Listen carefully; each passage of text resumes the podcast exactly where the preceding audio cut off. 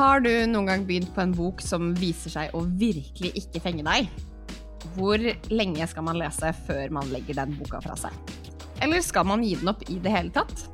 I dag tenkte vi at vi skulle snakke litt om det å gi opp bøker. Jeg er Malin, eller også Ready Go Read. Og jeg er Marte, også kalt Leseverden. I denne episoden snakker vi om bøker som vi har fått som leseeksemplarer fra Kagge, Oktober, Vigmostad Bjørke og Aschehoug forlag. Leseeksemplarer er bøker vi har mottatt gratis fra forlagene, men det finnes ingen avtale om omtale av disse bøkene.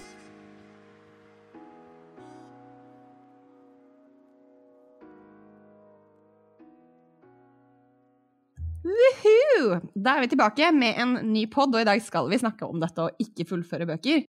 Men uh, før vi begynner å snakke om det, så tenker jeg at vi må snakke litt om de bøkene vi kanskje har fullført. Og da lurer jeg på, har du fullført noen bøker og likt dem siden sist? Ja.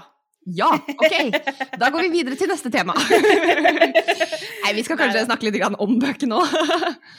ja. Jeg har da fått lest endelig eh, Evelyn Hugos Syv ektemenn. Velkommen etter! Tusen takk, tusen takk. tusen takk.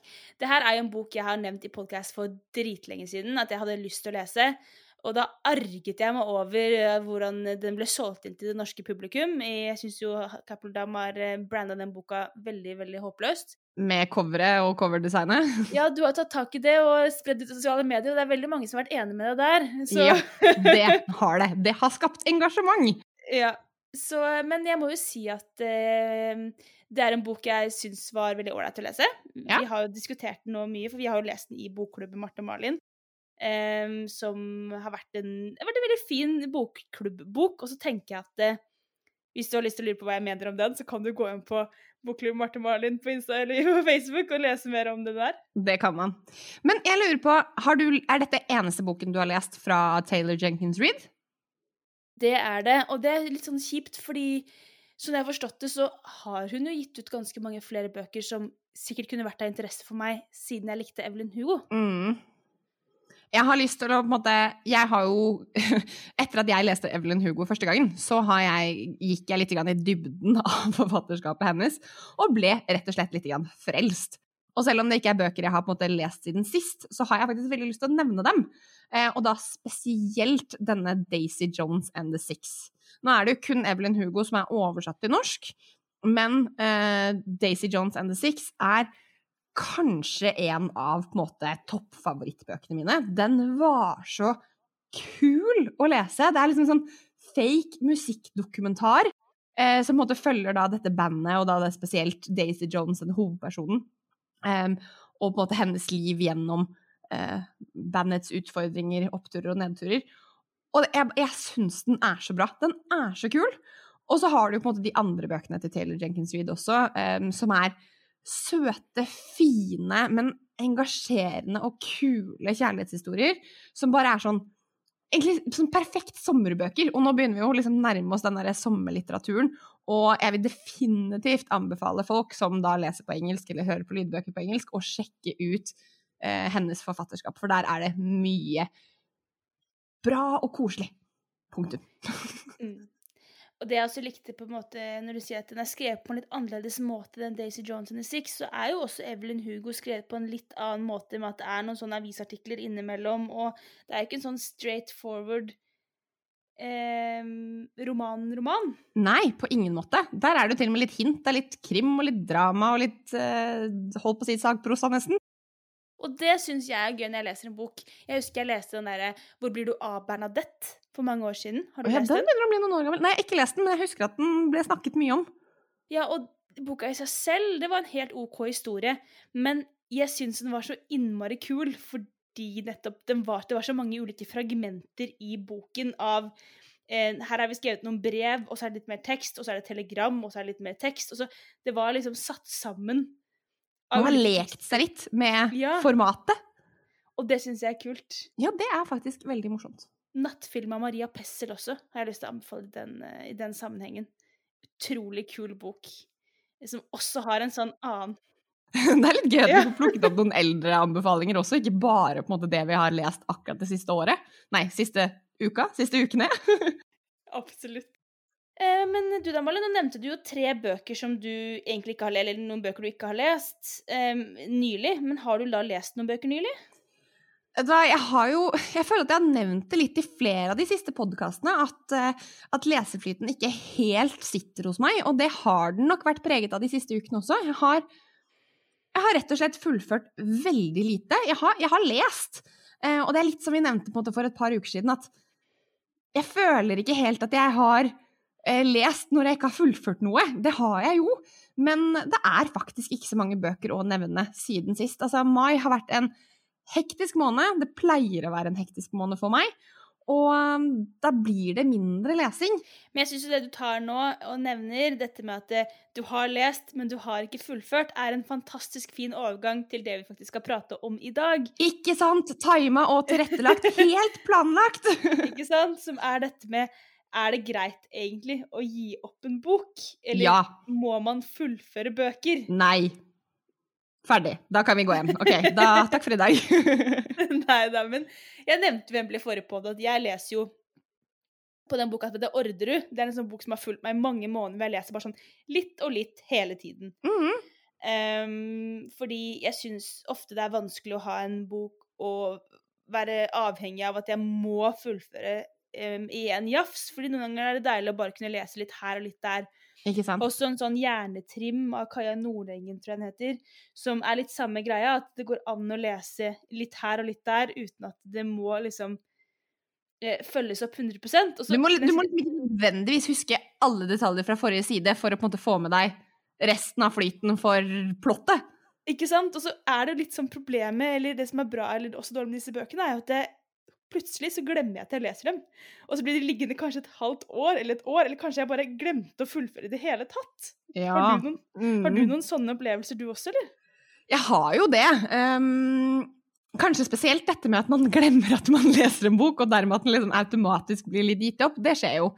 Men først og fremst så har jeg lyst til å nevne uh, den 'Penga og livet', uh, som er skrevet av disse Dagens Næringsliv-journalistene, som rett og slett handler om eh, viktige ting om kvinner og økonomi i hovedsak. Og det er jo en litt bok sånn som Orderud-boken er for deg, at eh, det er en bok jeg ikke nødvendigvis føler at jeg må lese i ett jafs. Den er veldig tematisk delt opp, og da kan jeg lese litt her og litt der. Så det er en sånn bok som ligger på nattbordet. Jeg, leser, jeg prøver å lese et kapittel av gangen, sånn at jeg på en måte får hele temaet med meg. Men mellom hvert kapittel kan det gå dager, uker, kanskje til og med måneder mellom hver gang jeg leser. Eh, og så har jeg jo selvfølgelig bøker som jeg har begynt på, som jeg som på en måte ikke har fenget helt, og så blir den liggende, og så blir jeg på en måte aldri ferdig med den. Og da trenger det nødvendigvis ikke være det at jeg ikke likte boka, den bare glemmer å bli plukket opp igjen. og så har du selvfølgelig også de bøkene som jeg absolutt ikke liker, som jeg ender opp med å legge fra meg bevisst. Det er ikke så mange, og det skal vi snakke mer om hvorfor. Men um, jeg lurer jo litt på med deg sånn generelt. Tenker du, tenker du at man skal legge fra seg en bok når man ikke liker den, eller skal man på en måte gi den en pause og plukke den opp igjen senere? Uh, hva, ten ja, hva, tenker du? Jeg syns det er et fryktelig vanskelig spørsmål å svare sånn på uten å høres litt håpløs ut. Velkommen til Boksnakk, vi som stiller de vanskelige spørsmålene vi ikke har noe svar på. Nei, fordi jeg generelt liker jo å fullføre ting. Ja. Samtidig som jeg er et veldig utålmodig menneske. Og det er en fryktelig dårlig kombinasjon til tider, spesielt når du møter litteratur som ikke fenger. For ja, jeg leser fort, og jeg kan dundre gjennom en bok på noen timer, men jeg blir så utålmodig, og hjernen forsvinner liksom Den bare danser ut av eh, handlingen. Og da blir jeg sånn OK, leser jeg denne boka her, eller sitter jeg bare og blar og ser på siden uten å få med meg noen ting? Og da, når jeg begynner å føle på den følelsen, så tenker jeg at da er det kanskje ikke liv laga når det kommer til den boka. Nei, For jeg leser den jo ikke, selv om jeg sitter og blar. Ja. Og da blir det sånn Skal jeg gi meg nå? Skal jeg ikke? Ja, det er jo i hvert fall unødvendig lesetid, når du ja, liksom bruker tid på å lese, men ikke leser. Og så blir jeg sånn Men jeg har lyst til å fullføre den, så jeg kan si at jeg har lest den. Men det er ikke noe viktig egentlig å ha lest så jæskla mange bøker. Det er nok litt problemet. Vi snakket om statistikk for noen episoder tilbake siden. Mm. Når du fører inn bøker du leser, og det er ikke at det er viktig for meg å nå et antall bøker, men det er veldig lett å liksom drives av det der å fylle ut den leselisten i løpet av et år med mm. sider eller bøker. På et vis. Ja, og det, det, er faktisk litt morsomt, fordi det glemte jeg å nevne i den episoden. Men eh, jeg snakket jo om at jeg begynte å sette eh, antall sider som lesemål istedenfor antall bøker. Og en av grunnene til hvorfor jeg gjorde det, var fordi jeg hadde lyst til å gi meg selv mer rom til å kunne gi opp en bok. Um, fordi for at du skal kunne registrere en bok som lest, en hel bok som lest, så må du jo nesten ha lest hele boka. Mens når du teller antall sider, så var det veldig mye lettere å på en måte kunne registrere OK, jeg leste bare 150 av 350 sider. Men da kunne jeg fortsatt registrere de 150 sidene som på en måte Ja, jeg har lest 150 sider, men jeg trengte på en måte ikke lese selve boka. Eller jeg trengte ikke registrere selve boka som lest. Men jeg kjenner jo meg selv godt nok også til å vite at når jeg først har lest 150 sider, så er det bare 200 sider igjen, og da kan jeg jo bare fullføre, selv om jeg ikke liker det. Og det er sykt teit, men sånn er det. Så du er ikke like ambivalent som meg altså til fullføre. Du gjør det faktisk oftere, eller? Ja, jeg har titta litt over statistikken min, og jeg innser at jeg har lagt fra meg veldig få bøker de siste årene. Men likevel så er jeg en kjempesterk forkjemper for at du skal gjøre det. Du, liker du ikke boka, legg den fra deg. Syns du den er uspennende, det er et rart ord, men syns du ikke den er spennende, gi den opp! Altså, det er ikke noe vits å bruke lesetid på å pushe seg gjennom bøker man ikke liker. Men her skal det jo tas inn i betraktning at jeg personlig leser jo fort. Og da føler jeg på en måte at OK, jeg har 200 sider igjen. Det er kanskje 1 12 time med lesing, sånn generelt for meg. Det klarer jeg å pushe meg gjennom. Og derfor gjør jeg det, fordi da gir jeg på en måte boken denne ekstra lille sjansen til å se om det kan skje noe som gjør at jeg vil like den likevel. Eller også at jeg har lyst til å kunne begrunne enda bedre på hvorfor jeg ikke likte den. Men for en person som ikke nødvendigvis leser like fort som oss, som kanskje bruker en time per 50 sider, og dermed på en måte har, har, vil bruke mange flere timer på å fullføre den boka her, da tenker jeg at det er enda viktigere at du gir opp når den faktisk ikke fenger, og finner heller noe annet som skaper leseglede, og som skaper leselyst. Men da blir det større spørsmålet når skal man li opp den boka? Fordi jeg merker så ofte når jeg leser bøker, at noen bøker er ganske treige i starten, og man må ofte over de første 125 sidene. ikke sant? Mm. Når du først er over den kneika, så begynner det veldig ofte å rulle. Så skal det være en sånn regel på at du må i hvert fall lese 150 sider før du gir opp? Eller når er det greit å gi opp, tenker du? Altså, jeg tror det er viktig å presisere at her finnes det ikke noen fasit. På ingen måte. Jeg tror det handler veldig mye om hvordan type leser du er, hva er viktig for deg, og på en måte, ja, også hvor fort leser du. Altså sånn at kanskje en som leser fort, kan gi en bok litt mer enn det en som leser sakte, gjør. For meg personlig så må jeg nok gi en bok i hvert fall 150 sider før jeg kan vurdere om jeg skal gi den opp eller ikke. Um, og det er rett og slett fordi jeg trenger veldig ofte 50-100 sider på å komme inn i boka og på en måte forstå settingen, forstå hva den handler om, forstå hva som skjer. Um, og så så jeg trenger liksom de 150 sidene cirka for å på en måte i det hele tatt bedømme uh, I hvert fall ved et aktivt valg, da. Men så har du jo også de bøkene som på en måte Ja, jeg leser de 50 første sidene, og så liker jeg det egentlig. Jeg har, liksom, altså jeg har ikke noe imot det, men den har tydeligvis ikke fenget meg nok til at jeg får plukket den, og at den blir liksom bare liggende på nattbordet ulest. Og der er jo for eksempel den um, og hva heter den igjen? Den derre eh, sorg over kapittel, kapittel, sorg. jeg skjønner hva du mener. Ja. Den står ironisk nok også på min liste, 'Korrektur av et sorgens kapittel'. Takk, det var det den het. En bok jeg begynte på, men jeg ikke har fått fullført ennå. Nei, men jeg har jeg har heller ikke fullført den. Den ligger supersynlig på nattbordet mitt. Det er ikke en stor bok. Jeg vet at jeg kunne lest den på en kveld hvis jeg hadde hatt lyst til det. Og jeg har egentlig lyst til det, men likevel så har den ligget med liksom 50 sider lest på nattbordet mitt siden mars. Og jeg har liksom ikke plukket den opp igjen. Og, og da begynner jeg liksom å lure når skal jeg registrere den som uh, ulest, eller did not finish Når skal jeg DNF-e den, som det heter? DNF, did not finish. Når skal jeg DNF-e den i Goodreads? It's a big question. Ja Jeg håper du har større ting å forholde deg til i livet enn akkurat når du skal ikke fullføre en bok. Nei, nei, det har jeg ikke. Det er det viktigste i mitt liv. nei, men uh, jeg tenker at uh, for min del, i hvert fall, når jeg leser en bok Jeg hadde en nylig opplevelse hvor jeg leste 'Hvem drepte Bambi' av Monica Fagerholm. Mm. Det er en bok som har fått veldig, veldig gode omtaler. Den vant jo Nordisk råds litteraturpris. Altså utad veldig god bok, ikke sant? Har hørt mye om det. Ja. Og så begynte jeg å lese, og det var ingenting med den boken som fenget meg i det hele tatt. Jeg syns språket var tungt, slitsomt, det var Jeg fikk ikke grep om handlingen, jeg skjønte egentlig ikke hva boka handlet om, så jeg prøvde å lese sakte. Jeg stoppet opp, googla. Um, jeg fikk også melding av en annen som så hadde lest den boken, men ikke fullført den, som spurte meg har du planer om å fullføre den, for jeg leser den selv, og jeg syns den er veldig tung, og jeg vet ikke om jeg skal fullføre den. Men hva gjorde du da? Eh, nei, nå har jeg jo ikke fullført den, da. ja, for den la du fra deg. Og hvor langt kom du i boka før du la den fra deg? Og det verste er at jeg leste vel kanskje 65 sider bare, og det er ikke så mye egentlig. Nei. Men det var nok for min del til å forstå at det her er ikke en, en, et språk som jeg triver altså sånn, Det er ikke litterær, litterær verden eller du, ja, du har liksom ikke rammene som på en måte skal til for at du skal like det. Ja. Og så fikk jeg denne meldingen, da, denne personen som har skrevet at uh, hun slet med boken selv. Eh, men hun var litt nysgjerrig på hva den handlet om. Hun hadde en litt sånn li ja, så hun tok en for laget og fullførte den boka. ja. eh, og sendte meg en melding etterpå og sa hvis du ikke likte de 65 første sidene, så kommer du heller ikke til å like resten.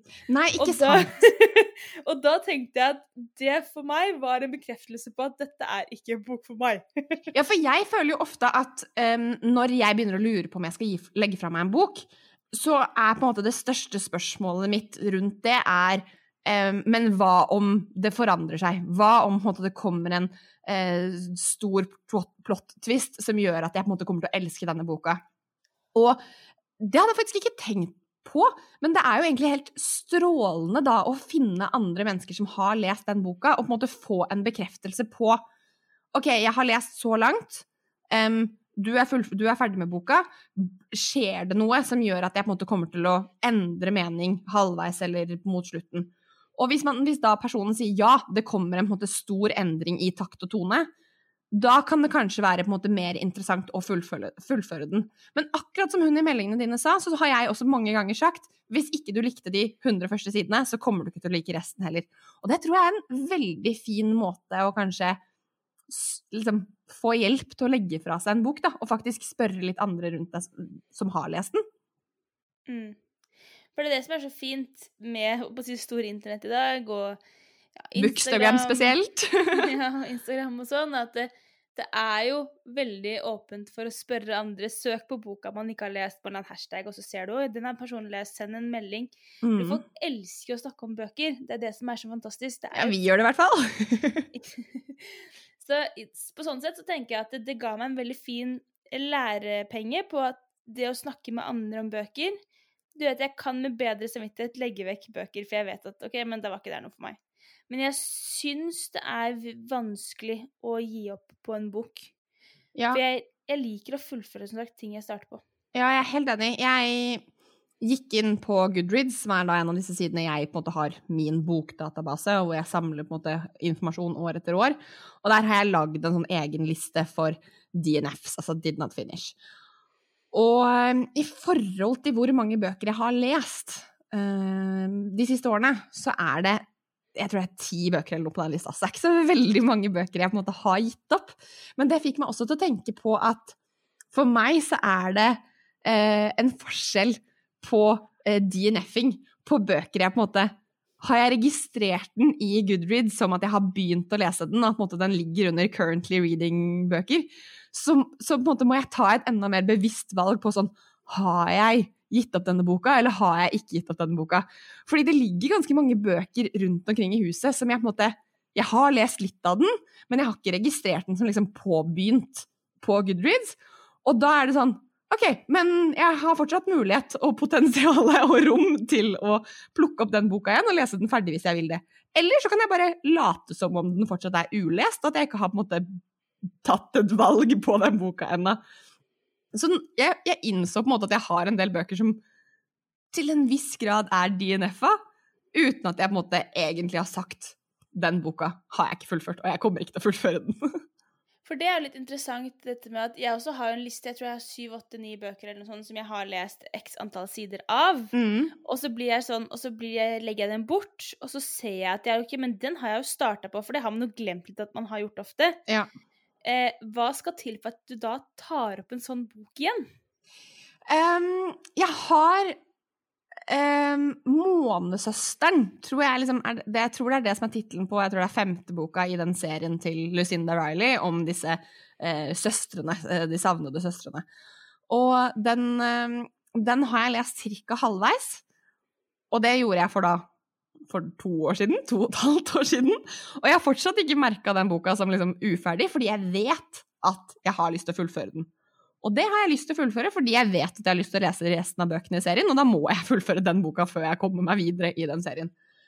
Jeg kan, jeg kan faktisk ikke si så veldig mye om akkurat hva som har fått meg til å på en måte Jeg vet at jeg har lyst til å fullføre den. Det er jo fordi historien ligger og lurer, og jeg lurer på hva som skjer. Men jeg vet ikke. Det, det, det, er jo på en måte om historien har vekket en interesse, da. Om det på en måte er noe ved historien jeg har lyst til å finne ut mer om, og da kanskje plukket den opp igjen senere, eller Jeg vet ikke. Jeg vet ikke! Marte, hva med deg?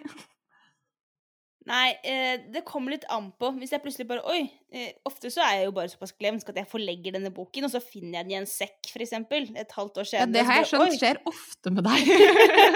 Oi, den har jeg ikke fullført! Den må jeg fortsette med, og så fortsetter jeg på den der og da. Men jeg har også tenkt litt, fordi jeg hadde en opplevelse forbundet med den boka som heter 'Mengele Su' av Gert Nygaardshaug. Ja. For det er en bok jeg, jeg, tror jeg begynte å lese 17 ganger eller noe sånt. Altså, nå overdrev jeg litt. Men jeg begynte på den boka flere ganger, og så ga jeg meg etter 20 sider første gangen, til 30 neste gang, og da begynte jeg fysisk på nytt på boken hver eneste gang. Ja. Så tok jeg den boka med meg sikkert på tre sydenferier til og med, jeg hadde, var så innstilt på at jeg har så lyst til å lese den boka, for den var jo kåret til en tidenes norske bok i den tiden. altså Den fikk så mye oppmerksomhet. Så jeg var sånn Jeg må jo lese den, like den boka her. Så på en av sydenturene så jeg ok, nå skal jeg bare gjøre det. Nå skal jeg lese den der Mengele Su-boka, da. Og så satt jeg på stranden og begynte å lese. Og jeg vet ikke om det var riktig tid og riktig sted for boka, men jeg kom liksom over den der startkneika, og så bare endte jeg opp med å digge boka. Og jeg tenkte sånn Hvorfor leste jeg ikke denne før? For det er jo det som er frykten når man legger fra seg en bok. Det er mye diggere å ha en bok ulest og vite at du måtte ha potensialet til å kunne plukke den opp når som helst, og den på en måte bare er på den evige TBR-lista.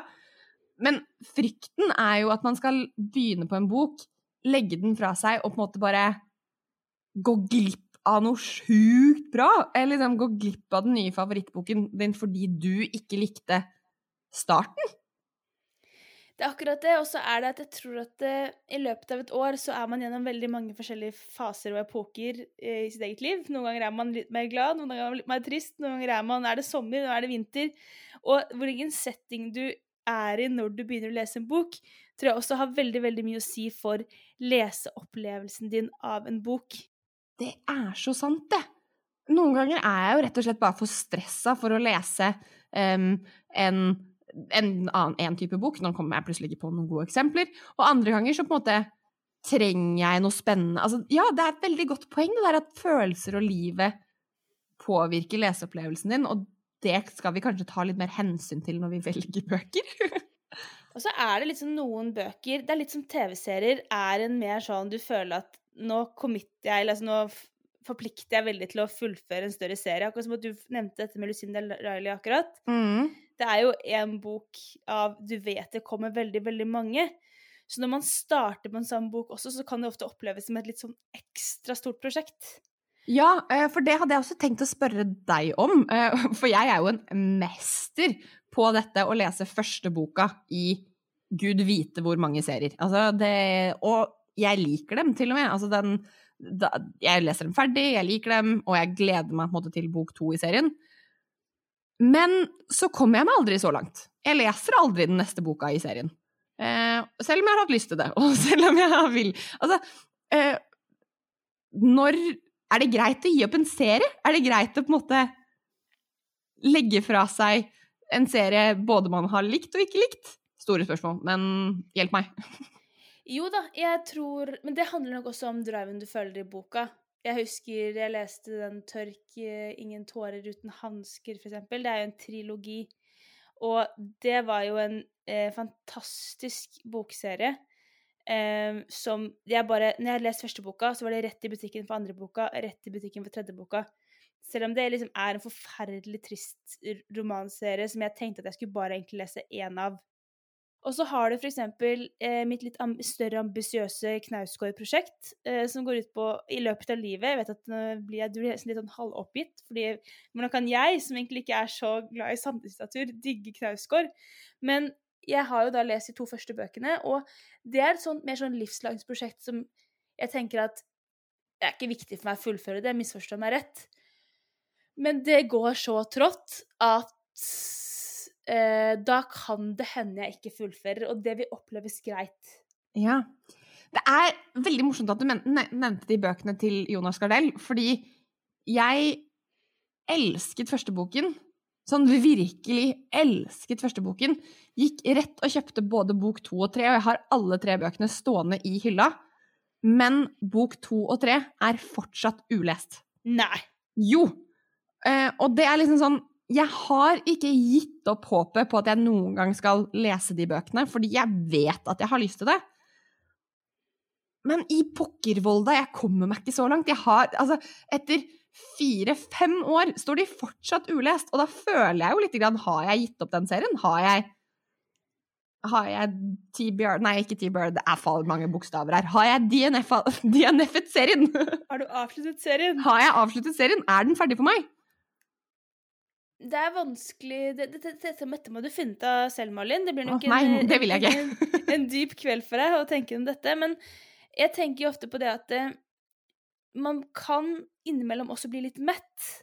Når du har lest to-tre bøker av en serie som omhandler Særlig opplever jeg kanskje det med krim, da. At du har vært inni en krimetterforskers hode i tre-fire bøker på rad. Mm. Da trenger man ofte en ganske god pause fra den, den, det, det, universet før man trer tilbake. Og det er kanskje det man følte litt med trilogien til Jonas Gardello, for det er ganske tøffe bøker. ja, de er liksom, kjempevonde. Så enten så må du lese dem i ett fordi du opplever det som én lang, vond bok. Eller så kan det også være liksom tungt å liksom ta bok to i gangen hvis du måtte ha glemt egentlig hvor fantastisk vond første var. Sånn, jeg orke å fortsette på det? Orker det nå? Er jeg i humør til det nå? Det regner ute. Nei, jeg orker Altså, det blir den derre Ja, for jeg tror det var veldig det som skjedde med meg for bok to. At jeg på en måte Jeg var ikke klar for å lese bok to med en gang. Og når jeg da fikk tak i den, så på en måte husket jeg fortsatt så mye på følelsene fra bok én, og på en måte ventet hele tiden på riktig tidspunkt for å lese videre. Og etter hvert så går det så lang tid at jeg på en måte nesten Jeg tør ikke å begynne å lese bok to fordi jeg egentlig ikke husker hva som skjedde i bok én, og så må jeg føle at jeg leser alt på nytt. Og det gidder jeg heller ikke, fordi jeg har ikke lyst til å bruke tiden min på å lese bøker to ganger når jeg har så mye annet jeg har lyst til å lese. Og så er jeg ned en ond sirkel. og så er det sånn som i sommer så leste jeg Hunger Games-bøkene. 1, 2 og 3. Da kjøpte jeg 1, 2 og 3, tok dem på hytta, leste dem i en jafs. Mm. Hadde aldri lest dem før, så det for min del var det en veldig kul opplevelse. Men så tok det et par måneder, og så kom denne det, Er det en prequel, eller er det en sequel? Ja, det er en prequel, ja. Mm. Prequel. Bok fire, da. Og da var jeg litt ute av det universet. Så det har ikke vært interesse for meg, egentlig, å ta opp den derre eh, bok fire. Det er jo mange som har likt den boka, men eh, jeg må helt ærlig si at jeg tror ikke du vil like den. Og jeg likte den heller ikke spesielt godt, dessverre. Men eh, hadde jeg hatt med på hytta, som bok fire, når jeg mm. satt der og leste bok én til tre, så hadde jeg nok lest den, og antageligvis likt den, fordi jeg hadde vært i den derre Hunger Games-bobla. Ikke sant. Og da hadde du vært mye mer mottakelig for på en måte Snow sine tanker eh, 40 år tidligere, eller hva det nå enn er. Ja. Det er det samme med at jeg aldri leste det der manuset til Harry Potter. Som Cursed Child? Ja, som jeg har stående. Jeg bare Hadde den kommet når jeg var ungdom, så hadde den hadde slukt den for lenge siden. Men det er en sånn bok som bare setter meg bare sånn Jeg vet jo at jeg liker Harry Potter, og jeg hadde sikkert likt den bare fordi det er Harry Potter, Eller Ikke de fleste les Cursed Child. Just don't. Don't do it. Nei, men ja, det blir litt sånn Hadde jeg vært ung og mottakelig der og da, så hadde jeg sikkert likt det likevel. Ja. ja, det er spennende, det der. Eh, men jeg, bare for å på en måte konkludere, da, eh, for å på en måte ta opp tråden Er det greit å ikke fullføre en bok? Jeg har lyst til å si ja, fordi man skal Det er laget så mange bøker. Det er skrevet millionervis av bøker der ute. Og vi kommer aldri til å komme gjennom alle i vår livstid i det hele tatt. Og du kommer antageligvis til å gå glipp av favorittboka di hvis du hadde lest den.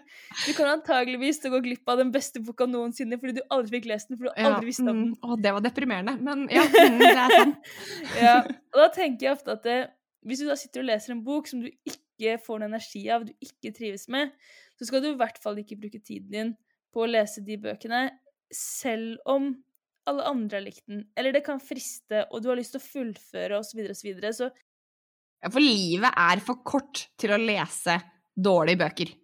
ja, og det trenger ikke være dårlige bøker, men dårlig for deg. Ja, ja, ja, dårlig for meg. Altså sånn bøker som ikke gir deg noe. Altså, bare et av mine beste eksempler er jo eh, Mi briljante venninne av Elena Ferrante. Altså, er det en bok som har blitt snakket mer om i på en måte bokmiljøet? Eh, er det en bok som har blitt hypa mer? Altså, sånn, jeg husker at den kom på norsk eh, når jeg jobbet i bokhandel, og det er sånn Har jeg solgt mer av en bok noen gang? Aner ikke.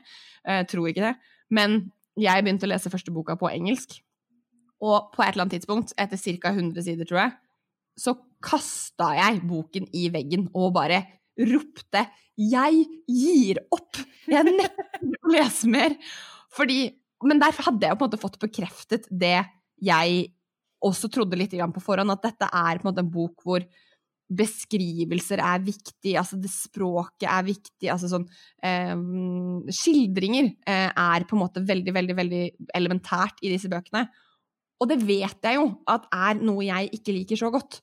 Så når jeg på en måte både visste det fra før av og på en måte fikk det bekreftet av folk rundt meg at dette er sånn bøkene er, det skjer ikke på en måte noe annet stort som forandrer måten disse bøkene skrives på, så innså jeg jo at dette gidder ikke jeg bruke tiden min på. Og det er en avgjørelse jeg faktisk er helt fornøyd med og står fortsatt ved. Og da kan jeg jo si, som, siden du later som at du nå spør en venn, burde jeg fullført boken? Fordi jeg leste også 'Briljante venninne'. Eh, på norsk eller engelsk? På norsk. Ja. Um, jeg hadde lyst til å kaste boka i veggen halvveis, men jeg fullførte. Og nei, Ja. det ble ikke noe bedre. Nei. Så Jeg leste ikke bok to, jeg leste ikke bok tre. Nei, ikke sant. Ja. Ikke sant. Uh, og det er jo det som er litt gøy, men uh, som tidligere bokhandlere så vet vi jo også at noen ganger er det greit å ha lest noen bøker bare for å på en måte ha referansepunkter eh, når andre kommer og spør om hjelp i bokhandelen. Så sånn sett så var det jo Jeg angrer ikke på at jeg på en måte leste de første hundre sidene av den boka, for det ga meg mye til å kunne snakke om boka eh, i en salgssituasjon. Men eh, jeg er også veldig fornøyd med at den ble lagt vekk og aldri fullført. Rett og slett. Men skal vi nå begynne å se litt fremover, eller Malin? Nei, jeg vil helst se bakover. Alltid. Eh, Alltid bakover. Nei, vi kan gjerne se litt på bøker vi gleder oss til. Mm, er det noen bøker du gleder deg særlig til, eller? Um, ja, det er jo alltid det. Altså, sånn sett så kunne jeg jo ramset opp både bøker som kom for to år siden, som jeg fortsatt ikke har fått lest, og bøker som på en måte er rett rundt hjørnet. Um, en av bøkene jeg har lyst til å nevne nå, er jo relativt ny. Uh, Kom vel i mai måned, tror jeg. Og det er eh, 'Morslinjer' av eh, Madeleine, Madeleine Schultz. Hva handler den om? Eh, Jeg tror det er en bok som hadde vært uh, right up your alley også. Um, jeg er litt usikker på om det egentlig er sakprosa eller roman. Jeg tror den er sakprosa. Um, og det er da på en måte en bok om kvinner, vold, og da spesielt morsrollen, morsrelasjonen. Uh, og Madeleine har visst brukt egne brev fra sin mormor som base til å på en måte skrive mer om, om dette temaet. Eh, Så det virker som en ganske tøff og vond bok, men jeg tror det er en sånn bok som føles god å ha lest, og på en måte den, den gir deg noe godt, eh, samtidig som du leser noe vondt, tror jeg. Håper jeg. Det høres ut som en bok som er akkurat den bok som du pleier å like, da. Ja, eh, men jeg tror eh, Absolutt, jeg skal ikke nekte for det. Det er jo en grunn til at jeg gleder meg til den. Men jeg tror også det er en måte Uten å ha lest den, selvfølgelig, så tror jeg jo det er en bok for deg også, på en måte, som liker Gjerne det som er på kanten mellom sakprosa og roman. Det som på en måte har en rot i virkeligheten, men som er kanskje skrevet på en underhold, mer underholdende måte. Da, at på en måte Eh, det er ikke supertungt, men det er også litt, eh, litt lett etter tiden. Men ja, forhåpentligvis får jeg lest den. Man vet jo aldri hva man får lest og ikke. Og da skal jeg gi deg beskjed om du må lese den eller ikke. Det gleder jeg meg til. men ellers, hva gleder du deg til? Har du noe på lista som du ser fremover mot sommeren til å få lest? Ja, og denne boken her er jeg veldig nysgjerrig på, faktisk. Fordi det her er en bok som jeg enten kommer til å like og fullføre en jafs, eller så kommer jeg til å lese 50 sider, og så kommer jeg til å gi den opp. Okay. Eh, og det er en bok som heter 'Områder av særlig betydning' av Heidi Midthun Kjos. Ja. Eh, og den eneste grunnen til at jeg har lyst til å lese den boka, eh, fordi når jeg ser den, så ser den veldig sånn samtidslitteraturete ut. roman, det, roman? roman, roman. Og det er det som gjør at jeg er litt halvskeptisk. Okay. Men temaet i denne boken er en dame som er veldig glad i å løpe. Og hun løper og løper og løper, og skal løpe Nordmarka ultraløp. Eh, og så er det at jeg liker å løpe, løpe om dagen. Og ting ofte når jeg er interessert i noe selv, så liker jeg ofte bøker som har med det temaet jeg interesserer meg for å gjøre om dagen. Ok, du søker på en måte interesseområdet ditt i din interesselitteratur. Ja, Gøy! Ja, på en måte. Så derfor tenker jeg at denne boka her, det kommer helt an på hvordan språket er, om den blir for tung og liksom for eh, samtidslitteraturete, som ja, eller om det faktisk er en bok som treffer meg fordi jeg syns temaet er kult, og derfor så biter jeg på og sluker den jafs. Ja, interessant. Mm. Altså, jeg har faktisk også en del sånn krimbøker som står på lista over ting jeg gleder meg til fremover. Eh, I fjor så leste jeg en bok som heter Vinterland av eh, Nå husker jeg Det var danske forfattere, var det ikke det? Fabel og jo, jeg, jeg, jeg, tenkte Faber. Faber, ja. Faber og en annen. Beklager. Husker ikke, husker ikke akkurat nå hva forfatteren het. Men oppfølgeren der, 'Satans sommer', har akkurat kommet. Um, og det er også veldig sånn typisk krimlitteratur hvis du liker eh, Anhem, som nå er mitt standard referansepunkt. Eh, så er det verdt å sjekke ut den eh, Vinterland. Og så kjenner jeg jo at jeg også gleder meg til oppfølgeren Satan sommer'. Nå er det jo sommer, vi får se om jeg får lest den i sommer, eller om det blir om to år eller tre år eller fire år. Hvem vet? Men den står i hvert fall på lista over bøker eh, jeg ser frem til. Det ble kalt kontrast, da. Først gjør du tilbake til Vinterland, og så ender du opp i Satans sommer. Ja, men vinterboka kom når det var vinter. For den husker jeg at jeg leste på telttur i jeg tror det var januar, og eh, tok bilde av sammen med snøen. Så det jeg lurer på om det kanskje er planlagt her. altså At det er liksom It's a thing. Det er noe med det. Litt sånn den årstidskvartetten til uh, De la Motte, for mm. eksempel. Men jeg har også en bok til, faktisk, som jeg tenkte jeg skulle prøve å prioritere. Og det er en bok som heter Rød revolt på norsk, eller Red Rising på engelsk. Ja! Og jeg har ikke lest den serien, men det er noen som har solgt den inn til meg som Hunger Games på steroider. Den, akkurat, den, akkurat, den, setningen har jeg også hørt om, ja. eh, om, eh, Red Rising. Jeg har heller ikke lest den, men det er mange som har prøvd å selge den inn til meg. Men av en eller annen grunn så har jeg liksom bare hoppet over den. Har liksom ikke, den har liksom ikke vært nok i min boble til at jeg har uh, fått den med meg eller lest den. Ikke min heller, og det som var litt sånn sørgelig da jeg fant ut at jeg hadde lyst til å lese den, for jeg tenkte, jeg har jo sagt før at jeg liker dystopier og sånn, så jeg satt, på, satt og så på nettet på en liksom liste over beste dystopier og skulle få litt innspill sånn sett. Og da dukket den opp, så tenkte jeg hm, den er interessant. Og så prøvde jeg å finne den, da, men er jo, den er jo utsolgt overalt. Den, går, den, trykkes jo ikke lenger. Ja, Når da... du snakket med meg om det her, og du sa at du skulle lese den på norsk, så ble jeg sånn ja, ja, men den fins jo ikke på norsk. Og så er den oversatt! Jo, Aschehoug har oversatt og gitt ut den, men den, de trykker den ikke opp lenger, da. Nei, for den var tydeligvis da gammel. Så jeg måtte da eh, ty til det o store internett, og tror du ikke, det var en utrolig snill dame som hadde den hylla si, som jeg møtte og fikk overlevert av boken. Så nå har jeg den hjemme hos meg selv, og tenkte at nå som jeg har liksom gjort så stor innsats for å få tak i den boken Alle snakker, eh, snakker bra om den. Altså, Hunger Games på steroider, det høres jo helt rått ut. Ja, Du leste jo Hunger Games i fjor sommer, så hvorfor skal du ikke da på en måte prøve steroidversjonen denne sommeren? ja, ikke sant? Uppe det, det takk. Ja, uppe det takk. Mm. Absolutt. jeg håper at det kommer til å bli en skikkelig kul leseopplevelse. Um, jeg tenker at hvis du liker den, så må kanskje jeg også gi den en sjanse. Mm. Uh, da tipper jeg at det blir som lydbok på engelsk, hvis jeg kjenner meg selv rett. Men uh, jeg kjenner at dette her gleder jeg meg til å høre din mening og få din tilbakemelding på den boka her. Så her har du en bok du ikke får lov til å DNF-e. Den må du fullføre. Notert. Jeg håper og tror at jeg da får en del lesetid fremover til å eh, lese disse bøkene midt nå i masteroppgjøret mitt. Jeg gleder meg til den kommer i boks, og jeg gleder meg så Jeg håper jeg får et par gode uker med lesing før jeg skal føde dette barnet jeg går rundt og bærer på. du, har, du, har, en spennende tid foran deg, og jeg gleder meg veldig til å se om måte, ditt forhold til eh, å gi opp bøker kommer til å forandre seg det neste året, når eh, du får en, en ny liten ting som krever oppmerksomhet inn i livet ditt. Du får ta en sånn statusoppdatering om et års tid. Bare hvordan føler du det egentlig nå? det tror jeg hørtes ut som en god idé, for det, det hadde vært morsomt å se på. Jeg tenker at vi kanskje skal avslutte for i dag, Malin. Det har vært veldig hyggelig å snakke med deg som vanlig. Jeg blir jo så godt humør av å snakke om bøker sammen med deg. Og så vil jeg anbefale da folk å enten følge deg på Instagram, som er Ready da go read! Eller meg på Instagram, som er Leseverden. Hvis du vil ha enda flere boktips eller prate mer om bøker, send oss gjerne en melding. Og så får du ha en strålende dag videre.